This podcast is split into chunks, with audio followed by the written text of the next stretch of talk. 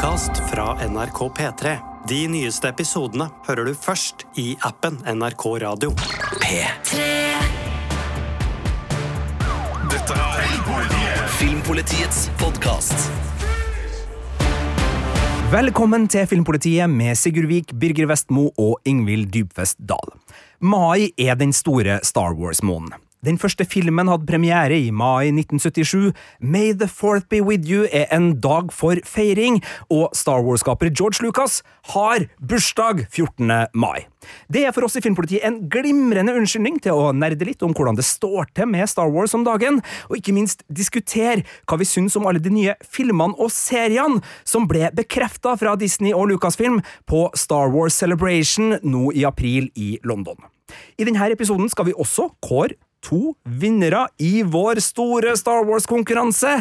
Men eh, før vi diskuterer Star Wars, så må vi jo presentere oss og fortelle om vårt forhold til denne galaksen langt, langt borte. Og hvis vi starter med deg, Birger Vestmo, hva er ditt forhold til Star Wars? Jeg vil si at det er nært og inderlig. Jeg var jo da sju år gammel da den første Star Wars-filmen kom på kino.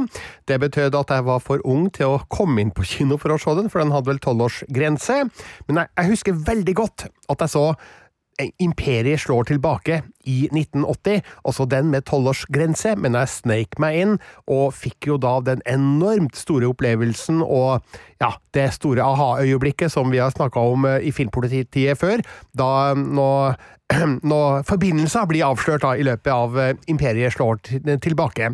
Eh, det som irriterer meg litt oppi alt det her, er at jeg husker ikke om jeg så den første Star Wars-filmen på kino først, eller om jeg så den på VHS eller noe i ettertid.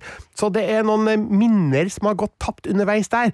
Men jeg husker jo veldig godt at de tre første filmene fra 1977, 1980 og 1983 var en essensiell del av popkulturen som jeg vokste opp med. Og jeg var jo like fascinert som de fleste andre over dette eh, utrolig store, fargerike universet med kampen mellom det gode og det onde, og Luke Skywalker som den store helten, og Darth Vader som den skikkelig skumle skurken som vi var litt redd for, vi som var små den gangen. Uh, og jeg har jo bare holdt på den kjærligheten til Star Wars hele veien opp, og har gjenopplevd den igjen gjennom mine egne barn, som selvfølgelig har blitt uh, flaska opp med Star Wars i alle former. Uh, der har vi jo blant annet spilt masse Lego Star Wars, og de har jo da fått sett prequel-filmene, som de liker bedre enn den originale trilogien, av en eller annen grunn. og jeg har jo da til og med møtt noen av de nøkkelfolka vi kjenner fra Star Wars. Jeg har møtt Mark Hamill og Harrison Ford og eh, Ryan Johnson, som jo eh, sto bak eh, en av Star Wars-filmene. Så det er for meg et univers som helt vidåpent, med enorme muligheter til historiefortelling, og vi har jo da sett eksempler på det i serieform de siste åra, at Star Wars kan brukes til hva som helst, og jeg tror at det er ubegrensa muligheter nå fremover til å få enda mer underholdning fra Star Wars, for det går an å fortelle hva som helst innenfor de her fantasifulle rammene som George Lucas eh, la da i 1977. Så jeg elsker Star Wars. Eh, du får meg ikke til å si så mye dårlig om Star Wars sjøl, når Star Wars eh, faktisk er dårlig. Av og til så kommer du med noen sitat, Birger, eh, og Star Wars kan brukes til alt. Eh, er et av de gode. Ingvild, hvordan er ditt forhold til denne galaksen? Ja, Nå blir jo jeg som en lunken kalddusj etter Birger, da. Fordi jeg har ikke så tett forhold til Star Wars. Jeg må innrømme at jeg ikke er noen Star Wars-nerd. Selv om jeg mener å huske at jeg en gang kledde meg ut som prinsesse Leia på et karneval. Eh, det hadde vel mer å gjøre med at jeg syns hun var en veldig stilig karakter å gjøre. Men eh, jeg var jo ikke født da filmene begynte å komme, så mitt første møte med da disse 70-80-tallsfilmene eh, var på lineær-TV med sånn, du vet, 100 reklamepauser. Og det er jo ikke et ideelt møte med noe som helst eh, TV-konsept, nei, jeg mener filmkonsept. Eh, og så fant jeg fant til og med nylig ut at eh, jeg trodde jeg hadde sett Imperiet slår tilbake, men eh, jeg har altså bare sett siste del tidligere. For når jeg nå så den på nytt, så huska jeg ingenting av de her snølandskapene på Hot eller Hut, eller jeg husker aldri hvordan man uttaler planeter heller i det universet. Og det snømonsteret som skal være så skummelt, var jeg sånn Å ja, der er labbetuss. Eh, Det var jo ikke veldig skummelt sånn sett i ettertid. Så det er store hull i min Star Wars-kunnskap. Eh, Jeg så jo filmene som kom på 90-tallet. Jeg syns de hadde ganske dårlige spesialeffekter, husker jeg da. Da skulle det liksom mer til å, å imponere oss. Eh, Og av de nyeste så har jeg sett noen, men jeg har ikke sett noen av seriene. Dette har jo vært en skamplett eh, når vi har snakka sammen tidligere, gutter. Og jeg må jo også si at selv om stjernekrig-elementene, det har aldri fascinert meg veldig, men jeg liker veldig det menneskelige og eventyrlige ved Star Wars. Altså, du vet den der kjeklinga mellom Han Solo og Leia C, nei, C3, CPO og R2D2 og sånn. Og, og så er det det at den har jo liksom tatt eh, eventyr og fabler som vi kjenner, og bare gjør dem, eh, setter dem til en ny og, og teknologisk spennende verden. Eh, Men det er jo også det her ekstremt grunnleggende med kampen mellom lyset og mørket som vi alle har i oss.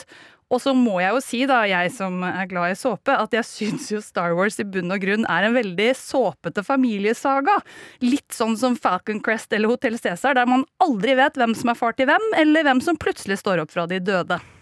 Det er noen elementer der, og jeg er jo glad for at vi i Filmpolitiet nå da ikke er liksom en sånn ren fankanal, i hvert fall ikke i utgangspunktet for det her, og at det er litt ulike eh, holdninger og, og erfaringer med Star Wars-universet. Jeg må jo sjøl sannsynligvis da innrømme at jeg befinner meg nok eh, nærmere Birger. Jeg er jo ikke så gammel at jeg fikk sett den originale trilogien på kino, men jeg fikk sett den på VHS ganske tidlig. Har liksom hatt sånne kompiskvelder hvor vi har sett hele den originale trilogien i ett strekk, og spist pizza og drukket brus og kosa oss.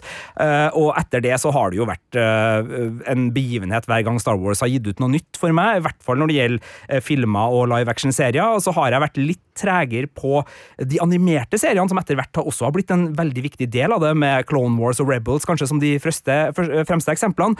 Men også der så har det blitt til at Star Wars har liksom fått en sånn plass i, i fankulturdyrkinga for meg, som gjør at den sammen med Game of Thrones og Ringenes herre-universene har den der fanteorigleden. Hvem er det? Hvem dukker opp der? Hvor sammenhenger finnes? Og, og det har liksom gitt meg veldig mye glede i livet og bare nerder om Star Wars. Eh, og her må jeg jo også innrømme at det har også begrensninger for meg, og jeg tror alle vi i Filmpolitiet må bare vedkjenne at sjøl om vi er i ulik grad glad i Star Wars, så er vi ikke eksperter for det her universet. Det har noen eksperter som virkelig er eksperter. Det har eh, dataspill, det har bøker, det har tegneserier, det har ulike uh, altså Noe er canon, og noe er legends. altså Det, det, det er så mye historier og så mye rundt det her. Uh, og der må vi bare ærlig innrømme at vi kan ikke alt. Så, så det her blir jo en podkast hvor vi snakker med base i at vi er Filmpolitiet, og at det er filmene og seriene vi har best eh, kunnskap om. Så dere som er skikkelig skikkelig Star Wars-fans, dere får bare tilgi oss litt eh, eventuell manglende kompetanse, som vil vise etter hvert som vi, vi skravler i vei. Men du verden, eh, det her er et univers som, som er fullt av gleder for meg. Men det er ikke sånn at man elsker alt fra det man elsker, og når Star Wars irriterer, så blir jeg jo skikkelig, skikkelig irritert. Så der har du kanskje litt av det landskapet vi tre i redaksjonen har. Ja, jeg får lyst til å si, ja, i hvert fall til deg da, Ingvild, og delvis til deg, Sigurd. eh, I find your lack of faith disturbing. Ta den. Jeg tar den. Ja, Vi tar, tar den. Ja, men det er bra. Ja. Eh, vi skal uh, ta en liten sånn runde på, på det vi har hatt før vi setter i gang, for det er jo de nyhetene om det som er bekrefta på horisonten, som er det vi er mest spent på her. Men altså, vi har fått ni filmer i Skywalker-sagaen. Uh, det er også en del sånn Star Wars vintage-ting. altså Det var animerte droid-serier, Ebox-serier, det var TV-filmer, Caravan of Courage og The Battle of For Endor, og en julespesial fra 1978 som ikke enda har sett dagens lys, bortsett fra noen små glimt av en som ligger på Disney pluss. Ja, altså, jeg har en gang i tida eh, lasta den ned fra et sted, eh, men jeg har faktisk da eh, ikke sett den enda, av frykt for at det skal gi varige men. Ja, jeg har sett den julespesialen. Den er ikke særlig god, men jeg håper jo at eh, Disney og Lucasfilm og George Lucas sjøl kanskje eh, finne den rausheten til å, å, slippe den opp. Eh, den gikk da på TV i 1978, var det vel den ble vist, så, så fingrene kryssa for at vi får se den julespesialen. Det var også der Boba Fett dukka opp for aller første gang. Den lille animerte snutten ligger faktisk på Disney pluss under Star Wars vintage-capen. Men, men, vi må fortsette oppramsinga her. Altså, det har kommet to Star Wars Story-filmer, altså Solo og Rogue One. Vi har Clone Wars, den animerte, én film og sju sesonger der. Den originale Clone Wars-serien som gikk i tre sesonger på Cartoon, Cartoon Network. Vi har Rebels, Resistance, Unge jedier på eventyr, Vision-serien, Tales of the Jedi-serien, The Bad Batch, ute med to sesonger, kommer en tredje, The Mandalorian, The Book of Bobafett, Obi-Wan-serien, Andor, pluss en drøss med kortfilmer og spesialer for Disney Pluss, annet Lego-spesialer og et samarbeid med Studio Ghibli, en liten kortfilm hvor Baby Yoda, også kjent som Grogu, driver og leker med noen former og noe greier. Så det er enormt mye. Vi skal ikke snakke om alt det her, men hvis vi fokuserer på de store filmene og seriene som har kommet etter comebacket med The Force Awakens i 2015, som er sett som ei lita linje i, i sanden her, hva har vært det beste, syns du, Birger? Altså, jeg blir jo nødt til å nevne Star Wars The Force Awakens, fordi jeg ga jo da den filmen terningkast seks. Jeg var skikkelig, skikkelig gira etter å ha sett den, og eh, syntes at uh, det her var en av uh, seriens beste filmer, altså omtrent på høyde med den originale trilogien, og jeg mente at den satt den prequel-trilogien fra 1999 og 2005, da, eller mellom 1999 og 2005, i, i skammekroken.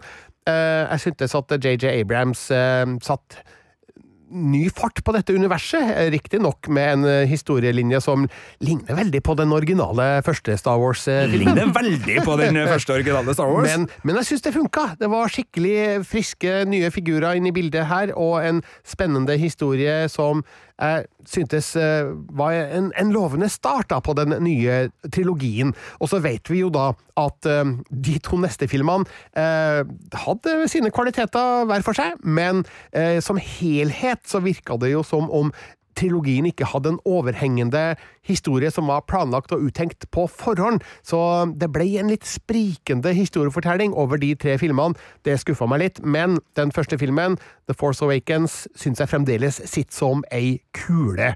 Eh, bortsett fra det, så må jeg vel eh, si at eh, sjøl om eh, The Mandalorian sesong én spesielt var fantastisk god, så har jeg jo lagt min elsk på Andor, fordi den viser jo at eh, Star Wars-universet også kan brukes til å fortelle et medrivende, mørkt drama med skikkelig tunge personskildringer og um, en tematikk som går litt dypere ned i menneskesyken enn det Star Wars-universet før i hvert fall, da, har greid å gjøre. Så eh, jeg vil si at Andor er kanskje det mest spennende som har skjedd på Star Wars-fronten etter comebacket med The Force Awakens.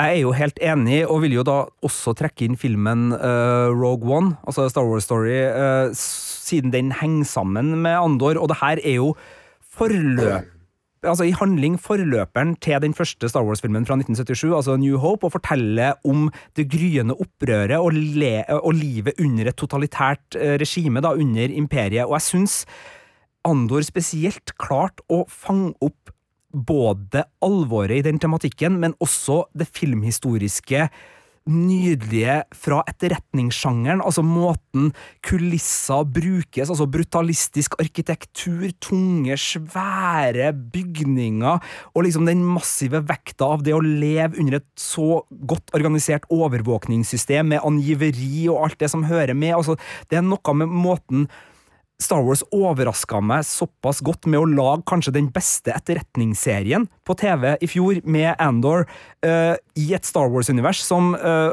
ellers kan være ganske fjollete og humørfylt og, og, fullt med rare skapninger og vittige replikker og kjekling og alt det der. Eh, de klarte ved å ivareta en Star Wars-følelse også, så det var ikke sånn at man ikke syntes at man var i Star Wars, i alt fra visuell utforming, eh, kule farger, kule kostymer, kule kulisser, og nettopp en sånn verdensbygging som gjorde at du virkelig følte at her kan det ligge en ny planet og, og nye vesener rundt enhver sving. Men hovedtyngden, da, for å bruke et, et ord som illustrerer litt uh, tyngden, altså den massive vekta av alvoret, klarte allikevel å, å skinne gjennom uten å bli fjasa til eller ødelagt av å være i Star Wars. Og det syns jeg var en bragd. Og så syns jeg jo The Mandalorian har vært det artigste. Altså eventyret mellom uh, der, der Din Djarin og Grogu reiser rundt i galaksen i en mye mer sånn barnevennlig, humørfylt Eller barnevennlig er kanskje å ta i, men en uh, uh, mer familievennlig setting har jo også vært skikkelig, skikkelig artig, og har tatt vare på den originale eventyrfilmfølelsen og den space western-følelsen som var veldig sentral i, i starten, Birger? Ja, det var jo det som gjorde de første filmene så populære, var jo nettopp at de de tok oss med på det store eventyret. Vi oppdaga nye verdener, eh, nye figurer med nye krefter, og um, de prequel-filmene som eh, senere kom, de eh, gikk jo litt mer seriøst til verks og hadde en historielinje som handla mye om politikk, og som ikke var like meddrivende på det eventyrlige planet da, som de opprinnelige filmene var. Men jeg håper jo at Star Wars også nå fremover vil gjøre den balansegangen mellom det morsomme, som i Mandalorian, og det seriøse som i Andor, fordi begge deler funker i Star Wars-universet, men eh, det må være eh, det må være motvekta til hverandre her, så de må ikke tippe over i bare alvor eller bare fjas. Vi skal snakke mer om hva vi håper og tror eh, når vi skal snakke om de titlene som er bekrefta, både på film- og seriefronten. Men Ingvild, hva har du å til av ting som har begeistra deg med nyere Star Wars-titler? Jeg er jo enig med Birger The Force Awakens at uh, jeg syns det var ekstremt gøy å få se de originale rollefigurene med de originale skuespillerne igjen. Det ble som et sånn hjertelig fint gjensyn som jeg likte veldig godt. Hvordan de miksa det inn. Uh, så skal det jo sies at jeg klarte aldri å tro på Adam Driver som Kylo Ren. Jeg tror han har sett for mye av han i Girls, men jeg likte Daisy Ridley da, som Ray. Og så syns jeg jo det er gøy at Star Wars endelig fikk sin egen jerntrone. Eh, ikke bare Game of Thrones der, så hvis man holder ut helt til episode ni, så er det muligheter for å se en jerntrone også.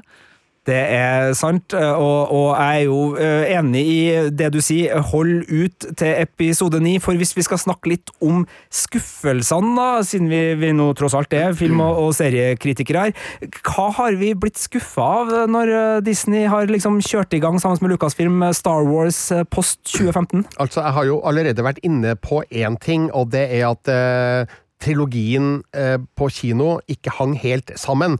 Uh, Force Awakens var en fantastisk eh, start. Uh, Ryan Johnsons The Last Jedi var også en god film, med helt klare kvaliteter, men det var en helt annen type film som virka å være en, en, en, et sidespor da, til The Force Awakens.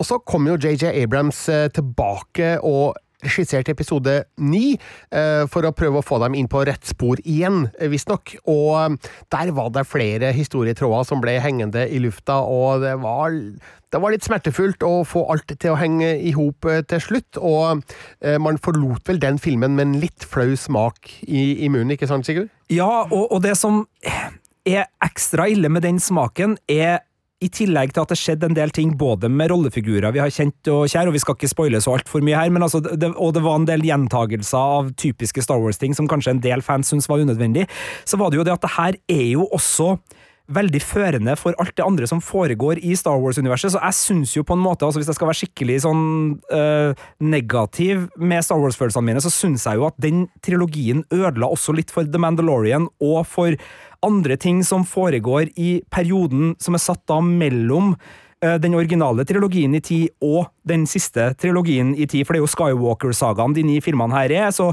det følger jo en, en tidsrunde hvor uh, to generasjoner uh, Skywalker uh, da er i, i, spill, så det er jo Og i og med at så mye kretser rundt den familien og de mektige jedi-ridderne og den storpolitikken, så gjør det jo noe med at man vet litt hvor ting skal, når man sitter og ser Mandalorian og de andre seriene nå på en måte som jeg syns legger litt bånd på den eventyrfølelsen og de mulighetene som ellers ville ha vært i det uh, universet hvis den nytrilogien ikke hadde ligget der som en litt sånn våt, klam klut på slutten som bare sånn ja ja, men vi vet nå hvordan det ender uh, sånn i, det, i, de aller største linjene, på det aller største liksom, nivået, når det gjelder de med de mektigste kreftene som, som kjemper mot hverandre. Og det syns jeg kanskje var det tristeste med at den trilogien kom såpass tidlig i denne nyetableringa av Star Wars, og det har jo gjort til at det er egentlig på TV at jeg syns Star Wars har vært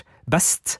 Eh, Med da de, de seriene som vi har nevnt, eh, Andor og, og The Mandalorian, så syns jeg jo også Obi-Wan-serien ble et litt sånt skuldertrekk av en eh, sak. Det skulle vel kanskje egentlig ha vært en film, og så ble det gjort om til en TV-serie. The Book of Bobafett klarte ikke helt å bestemme seg om den skulle være et vedheng til The Mandalorian, eller om det skulle være en egen serie for øh, Boba. Det var også litt skuffende. og ja, det har vært noen sånne runder, og så tror jeg nok kanskje jeg og du, Birger, er litt uenige, fordi eh, når det gjelder disse standalone-filmene, så var vi jo veldig enige om at Rogue One var en god en, men du var jo ned på terningkast tre på Solo, Star Ja. Wars-story. Det er riktig, jeg var streng på solo, det er riktig. Eh, jeg så den faktisk om igjen for ikke veldig lenge siden. Og den treeren eh, må vel kunne sies å i hvert fall være eh, sterk, da. I det minste. Kanskje burde den ha vært opp på fireren, eh, for alt jeg vet. Men akkurat der og da så vurderte jeg den til terningkast tre på skalaen. Eh, det er jo en morsom film. Eh, Den har jo en fartsfylt eh, fremdrift, og den har det humøret som vi elsker fra den eventyrlige delen av Star Wars-universet. Mitt kanskje største ankepunkt da mot Solo av Star Wars Story, det er utseendet, fordi den er filma veldig blast og brunt og um, merkelig mørkt til å være en eh, morsom eh, Star Wars-film. Så jeg er litt usikker på uh, valg av uttrykk der fra fotografens side. Jeg skulle ønske at det smalt litt mer i det visuelle, for um, det som foregår av handling er jo faktisk ganske fargerikt og morsomt. Langt på vei, i hvert fall. da. Skulle kanskje ønska meg en litt bedre payoff på slutten, et litt større klimaks, men eh, Solo av Star Wars Story den, det, er ikke en dårlig film, det er det ikke. Men den feila på box office, altså den spilte ikke inn så mye penger som Disney var eh, lystne på, og det satt vel en stopper for videre satsing på enkeltstående Star Wars-filmer inntil videre. Ja, og det er vel kanskje det mest negative med Star Wars, eh, Solo Star Wars Story, at den gjorde at de som sitter på pengesekken, ble engstelige. Og Ja. det er ikke alltid kult. Og eh, det har jo gjort til at eh, både noen filmer har blitt lagt på is, eh, sannsynligvis, og at eh, det kanskje da har blitt sånn at eh, man har gjort om litt på manus for å tilpasse det andre uttrykk, som sannsynligvis skjedde da med, med Obi-Wan-serien. Ja, men noen har jo laga en eh, fan-edit av Obi-Wan-serien, har klippet den ned til spillefilmlengde. Eh, Jeg har ikke sett eh, resultatet, men jeg har lest de som har sett resultatet, og mener at det har blitt en, et mye bedre produkt, da. En mye bedre fortelling. At Obi-Wan fungerer mye bedre som spillefilm enn som en litt for lang TV-serie. Ja, nå har jo dere rukket å prate om alt det jeg har på min liste, så det er jo hyggelig det, gutter. Men, nei, men, men jeg syns jo det der er ganske artig, fordi Obi Nei, Obis, ja, eh, solofilmen Jeg syns jo det var litt gøy å se eh, hans forhistorie, og ikke minst se Woody Harrelson i Star Wars. Bare det var jo litt smågøy. Men det at den floppa, det ødela jo hele planen Disney hadde. De hadde jo en plan om én film i året. Men vi må jo også se det positive i dette.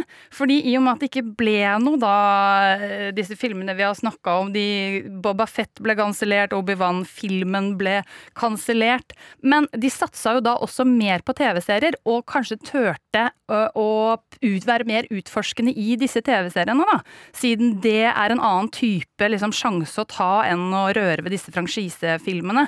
Så på en måte kan vi jo håpe og tro at det var det positive som kom ut av dette. Eh, med, I stedet for å spy ut en generisk film i året, så liksom tok de seg råd til å eksperimentere litt med TV-variantene. Som dere jo har påpekt, vi har fått mange bra varianter av etter det. I find your hope encouraging. Eh, og det er veldig bra opp mot det vi skal snakke, nemlig eh, om de tingene som nå er bekrefta, og som skal komme. Men før vi skal snakke om det nye, så har vi et par vinnere og kår i vår store Star Wars-konkurranse.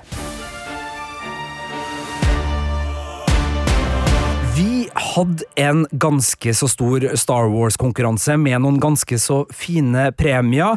Eh, premiene var henholdsvis da en Dark Saber fra Hasbro og en Bo Katan-hjelm fra Hasbro, som vi fikk fra Disney Pluss til å dele ut til våre kjære lyttere av Filmpolitiet.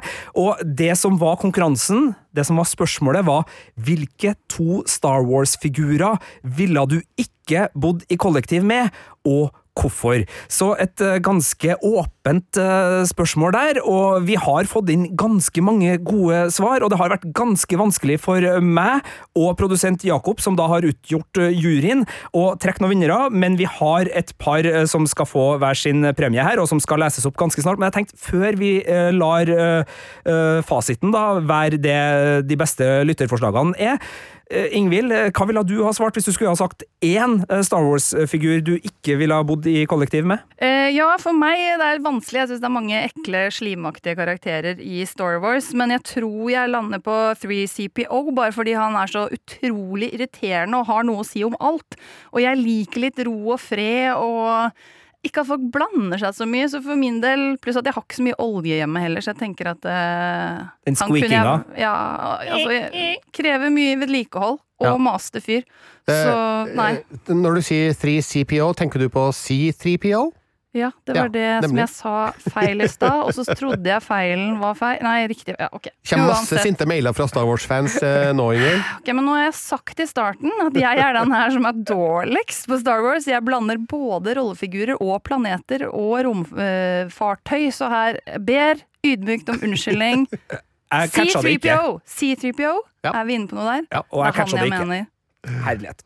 Eh, Birger, eh, som den uh, skarpøyde av oss, og ikke minst eh, den med skarpe ører, eh, hvem har du valgt som eh, du ikke vil bo i kollektiv med? Ja, som Ingvild sa, det kunne jo ha vært så veldig mange, men jeg har landa på Chewbacca. Altså, fordi, for det første, alt kommer til å bli ødelagt. Han er så svær og tung at uh, den sofaen, den holder ikke lenge. Og uh, den utgangsdøra, den kommer til å ramle av hengslene ganske fort. Uh, men for det andre, det er for mye pels. Altså, jeg er ikke noe hundemenneske. Jeg beklager alle som elsker hunder. Jeg er ikke så veldig, veldig glad i hund. Eh, Det er for mye pels. Det er urenslig. Det er masse små dyr som lever i den pelsen. Eh, Det støver veldig av den, og eh, Nå vet jeg ikke om Chewbacca rauter, men vanligvis så gjør jo pelsdyr det. Og det blir så mye hår rundt i leiligheten at ja, det går ikke an å holde rent. Så Chewbacca, sorry, det blir ikke noe flatmate eh, mellom, eh, av, av oss. Jeg vil jo også si at eh, når jeg snakker om irriterende stemme, så stiller vel Chewbacca ganske høyt der også. oh, ja. Jeg skulle ønske jeg hadde lydeffektbordet klart med alle Chewbacca-lydene mine her. Det har jeg dessverre ikke, og jeg skal eh, for deres del ikke prøve å uh, gjenskape uh, Chewbacca-brølet. Uh, Sjøl har jeg valgt uh, fra Tatooine, eh, mekaniske verksted, uh, Pelimoto, spilt av Amy Sedaris. Eh, og det er ikke fordi at hun nødvendigvis er en eh, dårlig person. Hun virker egentlig veldig hyggelig, og, og det er jo fint når man liksom skal bo med noen, eh, men det gjør det nok veldig vanskelig, i og med at hun er såpass hyggelig, og, å kjefte på henne for det som jeg tror kommer til å bli problemet. For hun har en hang til å være litt uh, skurkete, eh, ta bort deler, samarbeide med Java for å få dem til å demontere ting, og så late som om det har gått i stykker, for så å selge deg tilbake delen rett etterpå. Så det å liksom sitte i en sofa som da plutselig bare kollapser fordi noen har skrudd ut skruene, og hun bare sånn her jeg kjenner noen som kan fikse det der, Eh, jeg bare tar det fra husholdningsbudsjettet. Eh, og vaskemaskina gåen, fordi hun igjen da har fått Javas til å liksom ta og løsne på noen bolter eller skrive ut et eller annet. Altså all den der mikkmakkinga med å få ting til å funke igjen fordi hun har drevet og sabotert det for å få penger til å kjøpe tilbake delene, det tror jeg hadde blitt en slitasje, spesielt fordi at hun er så hyggelig. Altså, Én ting er liksom å, å mislike noen du, du misliker, men, men uh, altså, Peli Moto er jo så hyggelig og omsorgsfull og trivelig, men har likevel den her dårlige vanen med å få Javas til å sabotere ting for å, å tjene litt penger. Det tror jeg hadde blitt et problem over tid. altså. Ja, Så det du sier at du, du vil ikke bo sammen med ei dame, det er det du sier nå?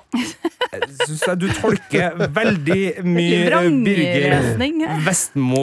Right. Men det var jo ikke vi som hadde fasit eh, på det her. Vi hadde jo bare noen forslag, men vi har da trukket ut eh, to vinnere, og vi skal starte med den som vinner Bo Katan-hjelmen, og det er Harald.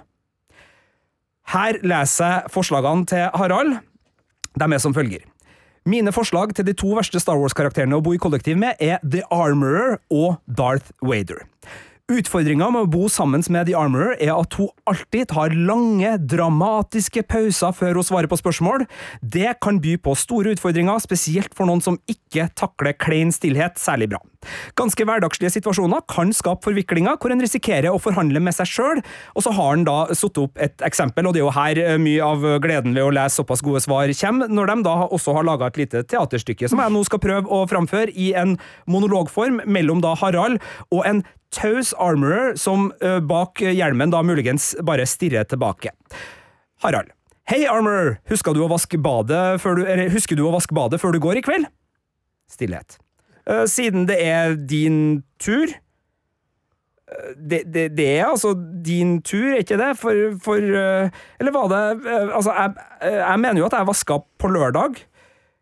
Eller var det forrige? Er, ikke din tur?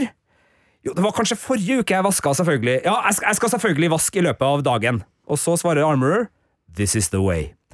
Så den er jo ganske brutal for folk som ikke fikser klein stillhet, og spesielt da øh, i tillegg kanskje er litt engstelig for hva øh, The Armorer gjør med den her øh, smedhammeren sin. Når det gjelder Darth Wader, så er det ganske nærliggende å tro at han heller ikke er veldig hyggelig å dele boplass med. Altså Med tanke på hvor høylytt han puster, kan vi jo bare tenke oss hvor høyt han snorker! Så med snorking fra Darth Wader og den der pinlige stillheten og den der vanskelige dialogen med The Armorer, så blir det en bokal spontanhjelm eh, til Harald, som da eventuelt kunne hatt på seg den i dialog med The Armour, sånn at også han ville ha vært litt vanskelig å lese, eh, og dermed gjort den pinlige stillheten eh, sikkert bare veldig mye lenger. Det var Bokhatan-hjelmen. Vi skal over på Darksaberen, og det er Tony som får Darksaber fra Filmpolitiet. Han svarer følgende på oppgaven. For meg koker det ned til at den verste komboen må være Jabba the Hutt og Chewbacca. Så der, Birger, har du en uh, frende. Jabba holder slaver, noe som skulle tilsi at han ikke løfter en finger for fellesskapet. Det kan fort bli sånn 'ei, ta med noen padder fra dammen', da, mens han sjøl sløver i sjeselongen. Dyreholdet hans er av en annen verden, og man må forvente å starte dagen med å lufte rancorn, hvis det er lov å si. Eh, hygienen hans virker ikke overbevisende, og han etterlater seg brede spor av slim på gulvet. Til hverdags er det kanskje ikke så mye støy med Jabba, men så var det festene hans, da. Folk dør på festene hans! Hver gang! Godt poeng, eh, Tony. Eh, det er ikke helt risikofrie fester der, nei. Og den andre er altså Chewbacca. Jeg har ikke sett noe som tyder på at han rydder eller lager mat, så da må man slave rundt for Jabba sjøl, for her er det altså Jabba fremdeles i kollektivet. God detalj, Tony. Det, det liker vi. Chewie er verdens dårligste taper, så man kan bare glemme å ha PlayStation eller Monopol i huset.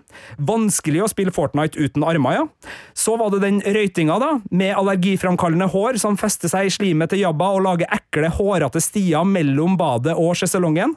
Jeg hører deg, Tony. Men det aller verste er nok rautinga hans. Irriterende nok på dagtid, men det må være vanskelig å sove vegg i vegg med en wookie som har fått seg dame. Ja, og jeg må bare si at det, jeg har, har, ikke lest det her før, så um, der er vi to, to, stykker som tenker likt. Det liker jeg. Det er riktig, så gratulerer til Harald og Tony, og tusen takk for alle som sendte inn. Det har vært veldig artig å lese, og ja, gjengangere er Darth Wader, Chewbacca, Jabba the Hutt, uh, Kylo Ren, uh, sutrete type, og uh, en del droider som også får på pukkelen, fordi de i ulik grad er irriterende og litt vrang, tilsynelatende. Men det her får vi nok aldri helt riktig svar på. Men da er i hvert fall vinnerne av konkurransen kåra. Gratulerer! Da har vi kommet fram til uh, framtiden i uh, Star Wars-universet, som selvfølgelig foregår i fortiden, alle husker det. Uh, long, long time ago. Uh, men det var også en del nyheter som kom ut av Star Wars Celebration, det her konnet som foregikk i London tidligere i april.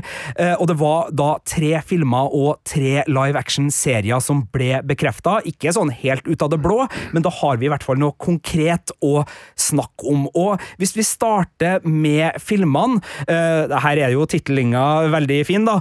Untitled New Jedi Order-film er den første vi skal ta for oss. Regi Sharmen Obaid Shinoi, manus Steven Knight og da med Daisy Ridley tilbake som Ray i en film satt 15 år etter den siste filmen i Skywalker-sagaen.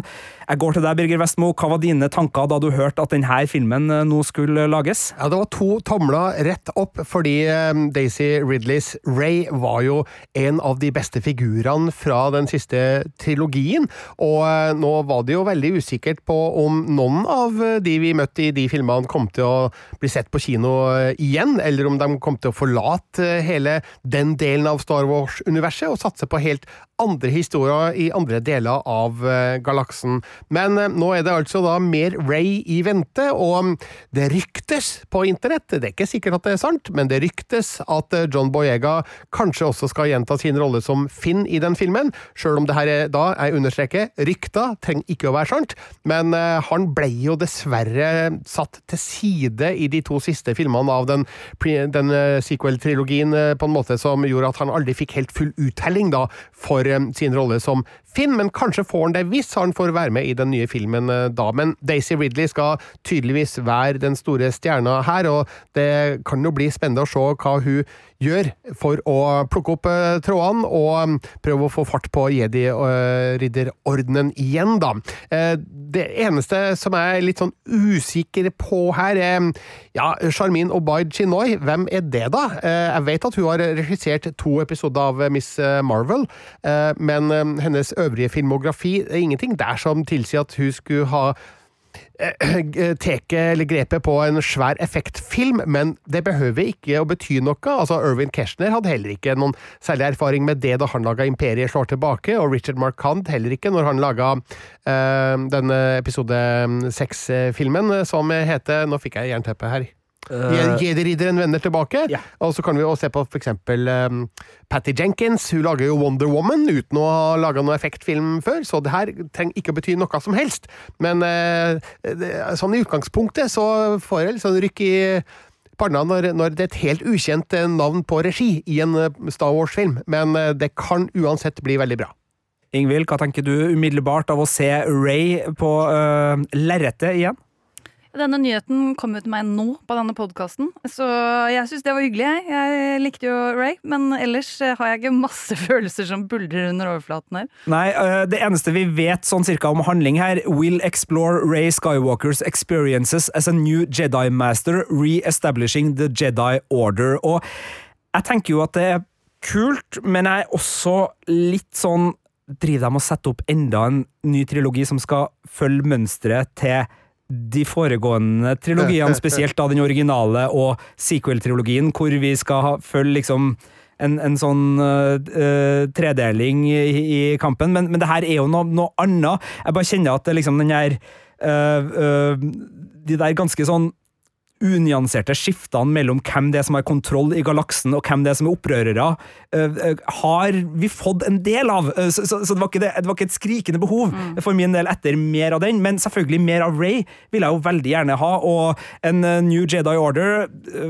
Kult, det. Kult, det. Så, ja. Det er ingenting her som tilsier at det skal være starten på en Nei. ny trilogi. De har bare, bare annonsert den ene enkeltstående filmen, men klart, hvis den gjør det kjempebra og blir superpopulær og er veldig kvalitetsmessig eh, en høydare, så er det jo selvfølgelig ikke utenkelig at det, det lages flere filmer, men hvis det i utgangspunktet er tenkt som en trilogi, så burde det nok ha vært annonsert som det fra børjan av. Ja, jeg tror også det er bare min, min eh, iboende frykt eh, her. Og, og, man skal jo være forsiktig med frykten, har vi jo lært i, i Star Wars-universet. Den leder jo uh, oss ned veier som kanskje fører til, til, til mørke krefter. det er sant. Untitled New Republic-film er film nummer to som er bekrefta. Regi og manus. Dave Filoni, Maren som har vært veldig sentral i The Clone Wars-serien, og ikke minst da i The Mandalorian Verse, som det nå omtales, for der begynner det å bli såpass mye uh, serier og ja. filmer rundt omkring. Og det her er jo da en film som angivelig skal binde sammen tråder fra The Mandalorian-serien, den kommende Asoka-serien og andre ting som foregår i den tidsperioden.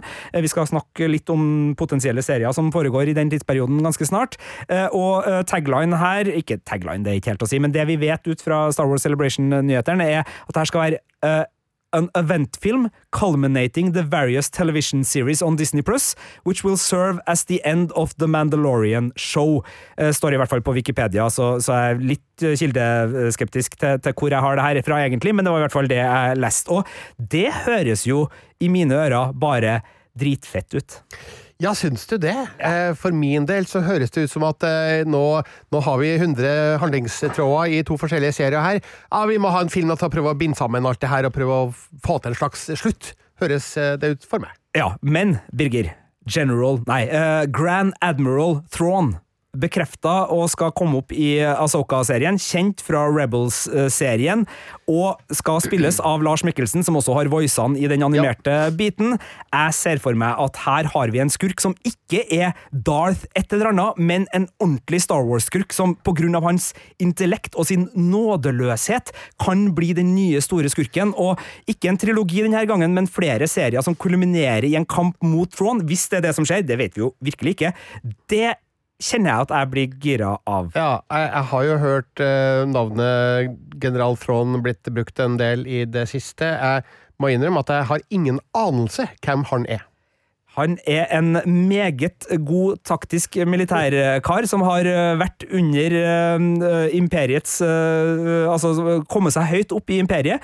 Var borte i, i andre deler av verden uh, under begivenheter, og, og kommer da nå sannsynligvis tilbake. Det er i hvert fall ut fra traileren til Asoka veldig nærliggende å tro Ja. at det er Grand Admiral Thrawn som, som blir den store skurken Men der. han, han kommer altså fra serien Rebels? Eh, Er, altså, eh, nå spør du jo en som ikke kan alle sin eh, Star Wars, men han er sentral i serien Rebels, ja. Eh, Og også dra mot uh, Asoka og, og gjengen på Ghost-skipet som, som er der. Så, så for dem som har sett Rebels, så er nok det her et, et velkjent eh, ansikt. Eh, Og så tror jeg nok ikke det skal være veldig vanskelig å klare å etablere Thrawn som den nye, store skurken i Star Wars, det bredere Star Wars-universet i denne eh, tidsepoken. Eh, Forhåpentligvis ikke, da. Jeg føler at de har sett meg litt mer inn i eh, Grand Admiral Throne. Det sitter sikkert mange og hører på det her nå og rister på hodet over min kunnskapsløshet. Jeg beklager det. Eventuelle feilinformasjon fra min side beklages også, for her er vi, eh, som vi allerede har sagt, vi er litt på, på den tynne isen. Men det er jo nærliggende å tro at vi i hvert fall får sett en del kjente ansikt, eller i hvert fall kjente hjelmer, eh, i den eventuelle Untitled New Republic-filmen til Dave Filoni.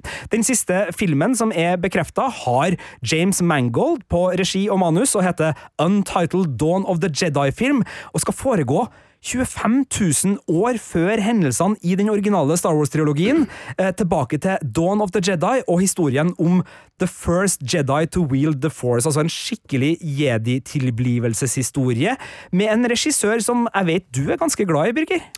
Ja, James Mangold han er jo straks aktuell med den nye Indiana Jones-filmen, som skal ha verdenspremiere i Cannes.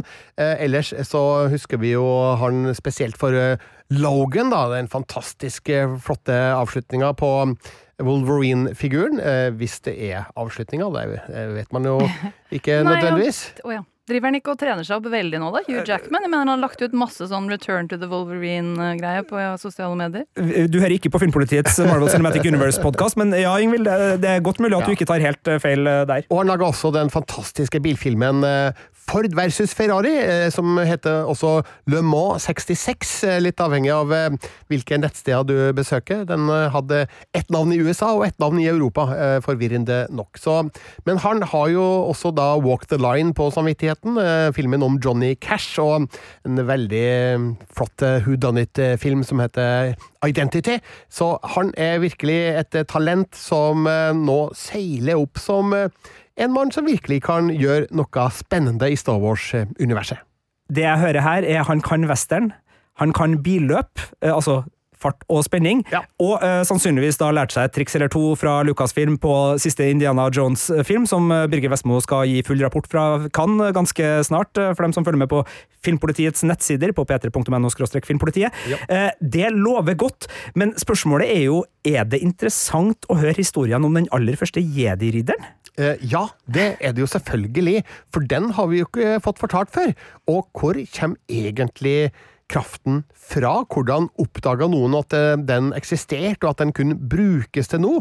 Og hvordan var det den aller første jedi-ridderen gikk frem for å ja, finne ut av eh, det her? Det høres jo litt ut som Spiderman som skal prøve å, å, å lære seg sine krefter i den første filmen. Eh, Det kan jo bli mye komikk ut av det, men eh, jeg har kanskje på følelsen av at James Mangold vil gå til den litt mer seriøse delen av Star Wars-universet for å fortelle en historie som kanskje ikke ligner eh, så veldig mye på det vi har sett i Star Wars fram til nå. Ja, jeg tenker jo med den der 25 000 år før at det kan være en sånn liten fare at vi liksom blir sittende og se jedi-folk sitte og løfte trær og steiner og smøre dem inn på fjell. Jeg vet ikke, det er sånn, sånn. Men det, det er min fantasi, da. Han har sikkert funnet, funnet noe annet. Og så får jeg jo lene meg litt på at han faktisk også er mannen som skrev og regisserte Kate og Leopold og Girl Interrupted, så kanskje det blir noe psykodrama, romantisk eh, Det pleier jo å være det òg i Star Wars. Det, altså det er mye øh, tenåringsangst og engstelser i Star Wars, øh, så, så her er det muligheter for at Mangle Mangold kan spille på flere av sine styrker, definitivt. Eh, jeg kjenner at eh, det er nok den av de tre filmene jeg har et litt sånn der ja, selvfølgelig må den lages, fordi det er en sånn opplagt øh, alle origin stories må fortelles, men, men det er ikke den jeg får mest sånn fot på umiddelbart, men herlighet, det kan jo være at det er der kunstverket skjuler seg. Det vil tiden vise, og det er i hvert fall en, en størrelse som øh, får lov til å utforske Star Wars-universet her, med tilsynelatende da ganske gode rammer.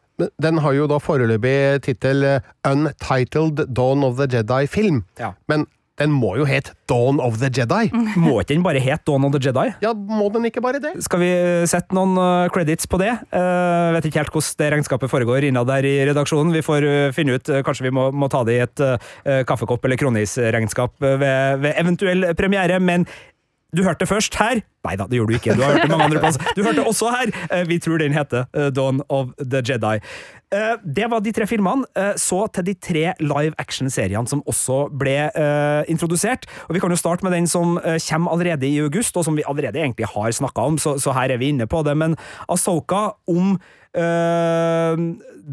Asoka Tano, kjent fra Clone Wars og Rebels-serien. En uh, wielder of the force, altså ikke nødvendigvis uh, jedi-ridder i den tidsperioden her, for vi er jo etter, uh, etter hendelsene i eh, Uh, altså, uh, ja uh, det, det, det skal ikke rote meg bort i det her, men altså, det er ikke nødvendigvis at hun omtales som en jedi-ridder, men hun har vært i, i, i lære der og er en mektig, mektig figur.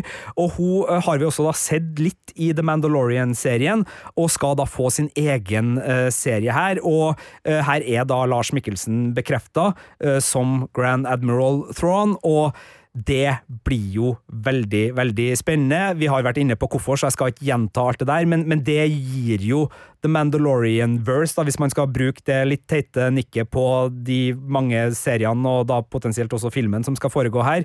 Det, det gir det en annen type skurk. Altså, vi har jo hatt Moff Gideon som skurk i det her universet. Skal ikke spoile så mye. Øh, Det har vært en interessant skurk.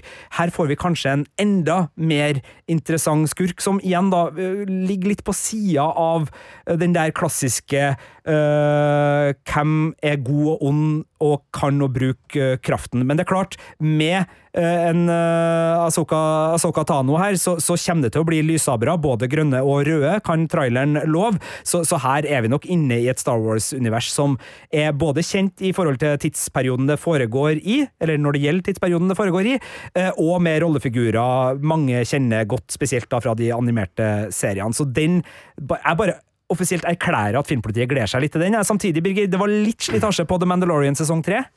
Ja, altså det var jo ikke en dårlig sesong, eh, men eh, den var bare ikke like spennende og frisk som de to første. Så for min del så eh, vil jeg jo kanskje la det gå litt tid før vi eventuelt får mer The Mandalorian.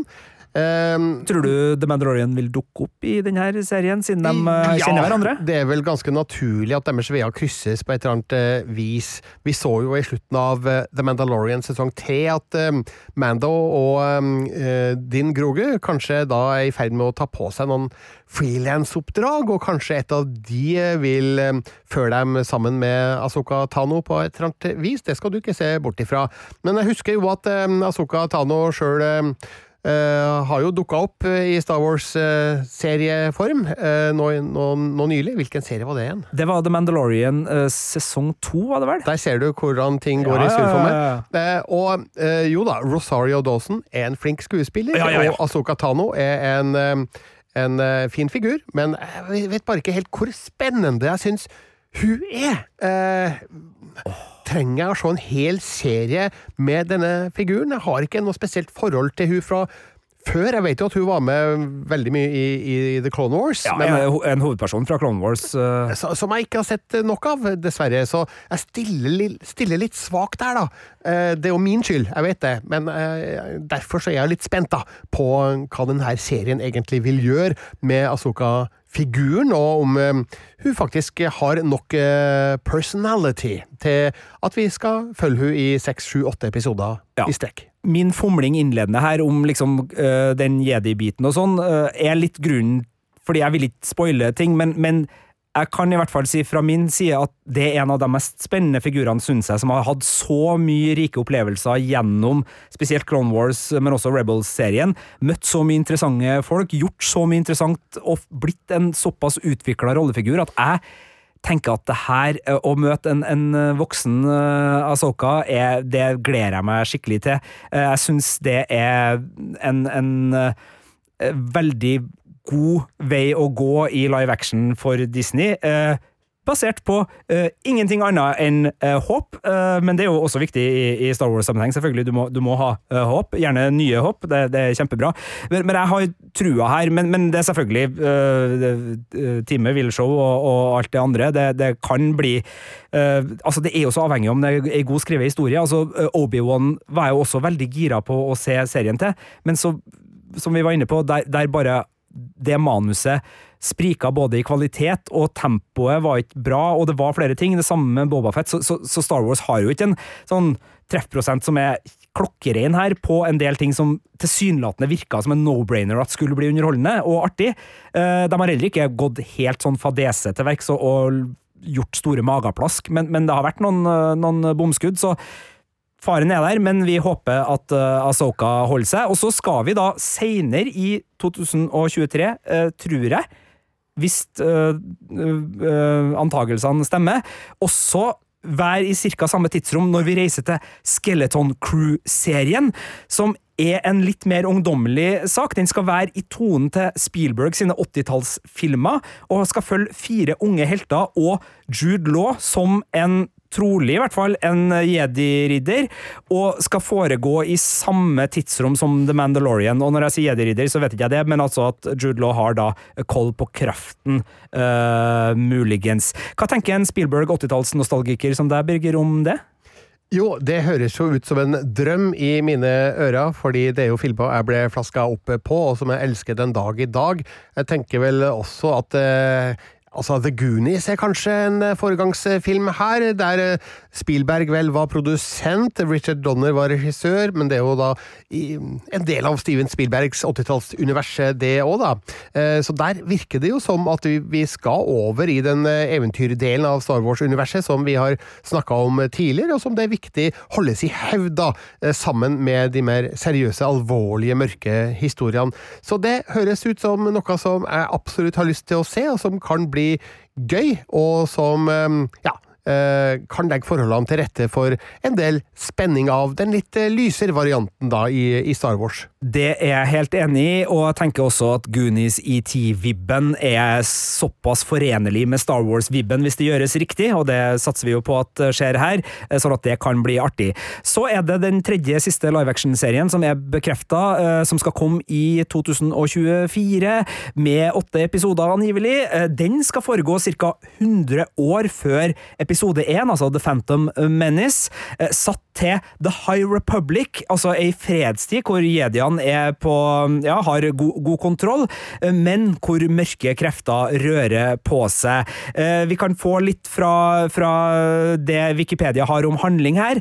A former Padawan reunites with her Jedi master to investigate a series of crimes, but the forces they confront are more sinister than they ever anticipated. Jeg tenker krimserie i Star Wars og blir umiddelbart begeistra. Jonas Suatamo, som da spiller Chewie i solofilmen, skal også da spille en Wookie jedi-mester her, og Rebecca Henderson skal spille Vern, eh, en eh, kjent jediridder for dem som kan litteraturen godt, som ble jediridder bare 15 år gammel. Jeg tror kanskje en av de yngste jediridderne noensinne. Så her er det jo rollefigurer både som fansen, som kan eh, bøker og tegneserier og Legends og sånn godt, kan sikkert plukke opp. Men jeg tenker jo uansett, da, en, en krimserie satt til da jediene hadde kontroll og de mørke kreftene rører på seg, kan være en nyansert og fint tilskudd da, med Diakolytt her. Hva tenker dere? Vi, altså, vi vet jo ikke hva det her egentlig vil bli enda, men um, det eneste som er sluppet, er en logo, og den logoen av The Acolyte har jo da et svært uh, lasersverdspor over seg, sånn at vi vet i hvert fall at det kommer til å bli lasersverd i The Acolyte. Det er jo en viktig del av Star Wars-gleden. Jeg har også hørt, men jeg, nå er vi i såpass rykteland at jeg, det her må dere ta med, med den der berømte neven med, med salt, at, at det kanskje er Uh, litt forståelse for mørke krefter. At det ikke nødvendigvis er en sort-hvitt uh, jediene er helter, alle andre er, er slem, men at det her kanskje vil være en serie som utforsker antihelt-biten litt. Rann. Litt som samtlige superheltfilmer gjør for tida, og alle andre filmer og serier også. Eh, men det er jo også en, en, spennende ting som selvfølgelig ikke er fremmed i Star Wars-universet. Det har jo vært flere eh, helt fra starten av eh, sånne dueller mellom det gode og onde inne i diverse rollefigurer, og selvfølgelig kampen i, i kraften mellom det mørke og onde er sentral, men, men det å, å, å, spille ut litt sånn som Andor til dels har gjort, og som for så vidt også The Mandalorian har gjort, altså se litt på rollefigurer som øh, er litt i den Han Solo-Chewbacca-molden, altså litt sånn på begge sider av loven. Uh, det, det, kan bli interessant, da, tenker jeg, i en uh, sånn setting, spesielt da, og, og, så er det jo det å se litt sånn Jedian sitt ikke forfall, det er å ta i, men altså jediene rota seg jo bort når de ble generaler for soldater og begynte å bli liksom politiske uh, dukker. Altså, sånn som vi så da i, i prequel-trilogien, episode 1 til 3, altså der de er redusert til å være brikker uh, for uh, politikerne og, brukes da i det politiske spillet og i det militære spillet som vi så i Clone Wars. Så det å, å se litt på hvor jediene kommer ifra før det skjer, og kanskje veien dit, det syns jeg også gjør at de 100 år tidligere da virker som en interessant periode å utforske litt uh, mer det var jo lett å, å komme på ting og, og, glede seg til her, som, som folk hørte, men, men, er det noe vi er skeptisk til av disse seks nye titlene som skal komme, eller eventuelt deler av det de skal muligens bringe til lerret og, og skjerm? Altså, Jeg er med på det generelle, da, at jeg er litt sånn generelt skeptisk til at Disney har en tendens til å melke konsepter tørre. Eh, og det er vel allerede eh, Eller vi har jo sett at det er en viss fatigue, eller hva ville vi kalle det, metning, på, i befolkningen, da, på både Marvel og Star Wars. Jeg er liksom litt redd for at når de pøse på så voldsomt som vi jo har skissert her, at vi liksom ikke klarer å fange opp perlene. At vi ikke klarer å glede oss over Sånn så, så, for meg, da, som ikke har fulgt det, at det blir som en sånn utrolig stor masse du ikke At du blir for redd å dykke ned i det fordi det blir så massivt. Det kan bli litt eh, mye, selvfølgelig, med tre filmer og tre serier over eh, ganske få år, men samtidig så jeg ønsker meg jo heller ikke tilbake til den mørke perioden mellom 1983 og 1999, der det ikke kom noe som helst fra Star Wars-universet på film eller eh, TV. Så for min del så er det absolutt rom for flere historier derfra. Eh, men, men, at det kommer så mye på en gang, eh, kan jo selvfølgelig, som Ingvild er inne på, eh, gi oss litt fatigue. Jeg merker jo allerede nå at eh, både Andor og Boba Fett og Obi-Wan og Mandalorian har kommet veldig tett på hverandre her nå, sånn at det blir mer sånn forbruksfølelse enn virkelig et, et, et genuint høydepunkt, da, som vi tar med oss videre, og som har en viss livs tid, da, eller levetid, heter det. Eh, så det må vel eventuelt være det jeg er litt skeptisk på, i likhet med Ingvild, at eh, det kan bli litt for mye av det gode, men så er jeg heller ikke sikker på om jeg ville ha noe mindre av det, hvis du skjønner. Nei, eh, men, men Du det er er som jo en misbruker, Birger. Ja, ikke sant? Jo, men det, men det er jo litt det der, altså Strømmetjenesten fordrer jo at du beholder abonnementet ditt, så selv om du har sett alt, så skal du ikke slutte. Så du skal ha mer. Og det er klart, Star Wars for Disney er en kjempestor merkevare, så det å putte veldig mye i, i den der serieformen har vært eh, viktig for dem. Skal jo også nevne at Andor selvfølgelig da kommer tilbake med sin andre og siste sesong, og også The Bad Batch, som har vært en veldig fin forlengelse av The Clone Wars animasjonsserien, kommer med sin tredje og siste sesong. Og så kan vi jo bare ta en sånn veldig kjapp runde da på at det jobbes muligens med å få Donald Glover til å komme tilbake som Lando Calrissian i en Lando-serie. Det er kanskje snakk om en Rian Johnson-trilogi, men den er ikke prioritert på nåværende tidspunkt, har jeg lest. Taika Waititi skriver visst på et manus som muligens skal havne i Star Wars. Patty Jenkins uh, har muligens en serie eller film på gang som heter Rogue Squadron, som skal bli satt etter Rogue One, og følge opp den. Det er mulig at eh, Sean Levy, kjent blant annet fra Stranger Things, Night at Museum og da den kommende Deadpool 3-filmen, kanskje jobber med en Star Wars-film, og det er snakk om Star Wars A Droid Story, en animert film om R2D2 og eh, C3POs eventyr, som muligens også kommer rett på Disney+.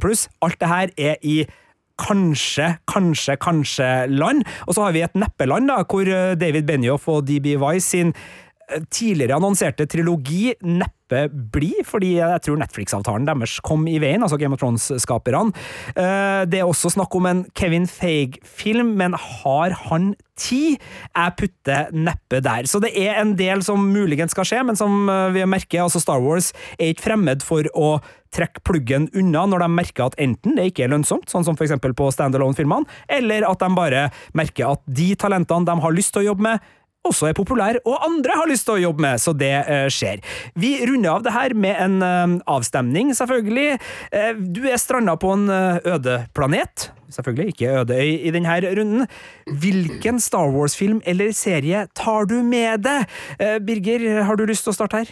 Det fins bare ett alternativ her for min del. Det er Imperiet slår tilbake fra 1980, altså Star Wars episode 5. Du skal se Finse om og om og om igjen på en øde planet. Det er et solid og godt valg. Vanskelig å være uenig. Ingvild, hvilken Star Wars-film eller serie tar du med deg til en øde planet? Jeg går for The Force Awakens, for hvis du er på en planet, så trenger alle at kraften våkner. Du går for inspirasjon, det er også fint. Jeg går for Clone Wars-serien, eh, rett og slett fordi at den inneholder så mye Star Wars, både opp mot den sentrale Skywalker-sagaen, men også rundt om på ulike planeter. Altså, det er så mye mytologi, så det å stimulere min hjerne, min fanteori, til å tenke hvordan er det i denne galaksen, der tror jeg Clone Wars-serien vil gi meg utrolig mye glede i det jeg sitter da på denne øde planeten, med ingenting annet enn tid til min disposisjon. Eh, kanskje smart å gå for en serie som varer i eh, 70 timer, enn en film som varer i to? Det kan være det, men, men valgt er valgt, Birger. Og du som hører på, gå gjerne inn i appen NRK Radio og stem på disse tre alternativene, sånn at vi kan få se hvem det er som har valgt best. For vi liker jo litt intern konkurranse her i Filmpolitiet, og det er også en god måte å få vist fram hvem eh, du liker i Star Wars-sammenheng. Hør også gjerne vår The Mandalorian-spesial, hvor vi i motsetning til her virkelig eh, spoiler. Jeg og Birger skravler i en time om sesong tre, som nylig nå ble avslutta på Disney+. Les også alle våre anmeldelser på p3.no filmpolitiet. Hør oss også på P3 hver søndag mellom klokka tolv og tre. Det var det vi hadde om Star Wars for denne gangen, og hvis du har hørt helt hit, herlighet kraften har vært med deg. Tusen takk for at du hørte på. En podkast fra NRK. Jeg er Ragnar Lodbrok, og jeg er Odin sin kriger. 800-tallets legende om Ragnar Lodbrok skildrer hvordan han som kriger blir utvalgt av Odin. Guden som viser seg å være en svært upålitelig alliert. Hør Vikinger i appen NRK Radio.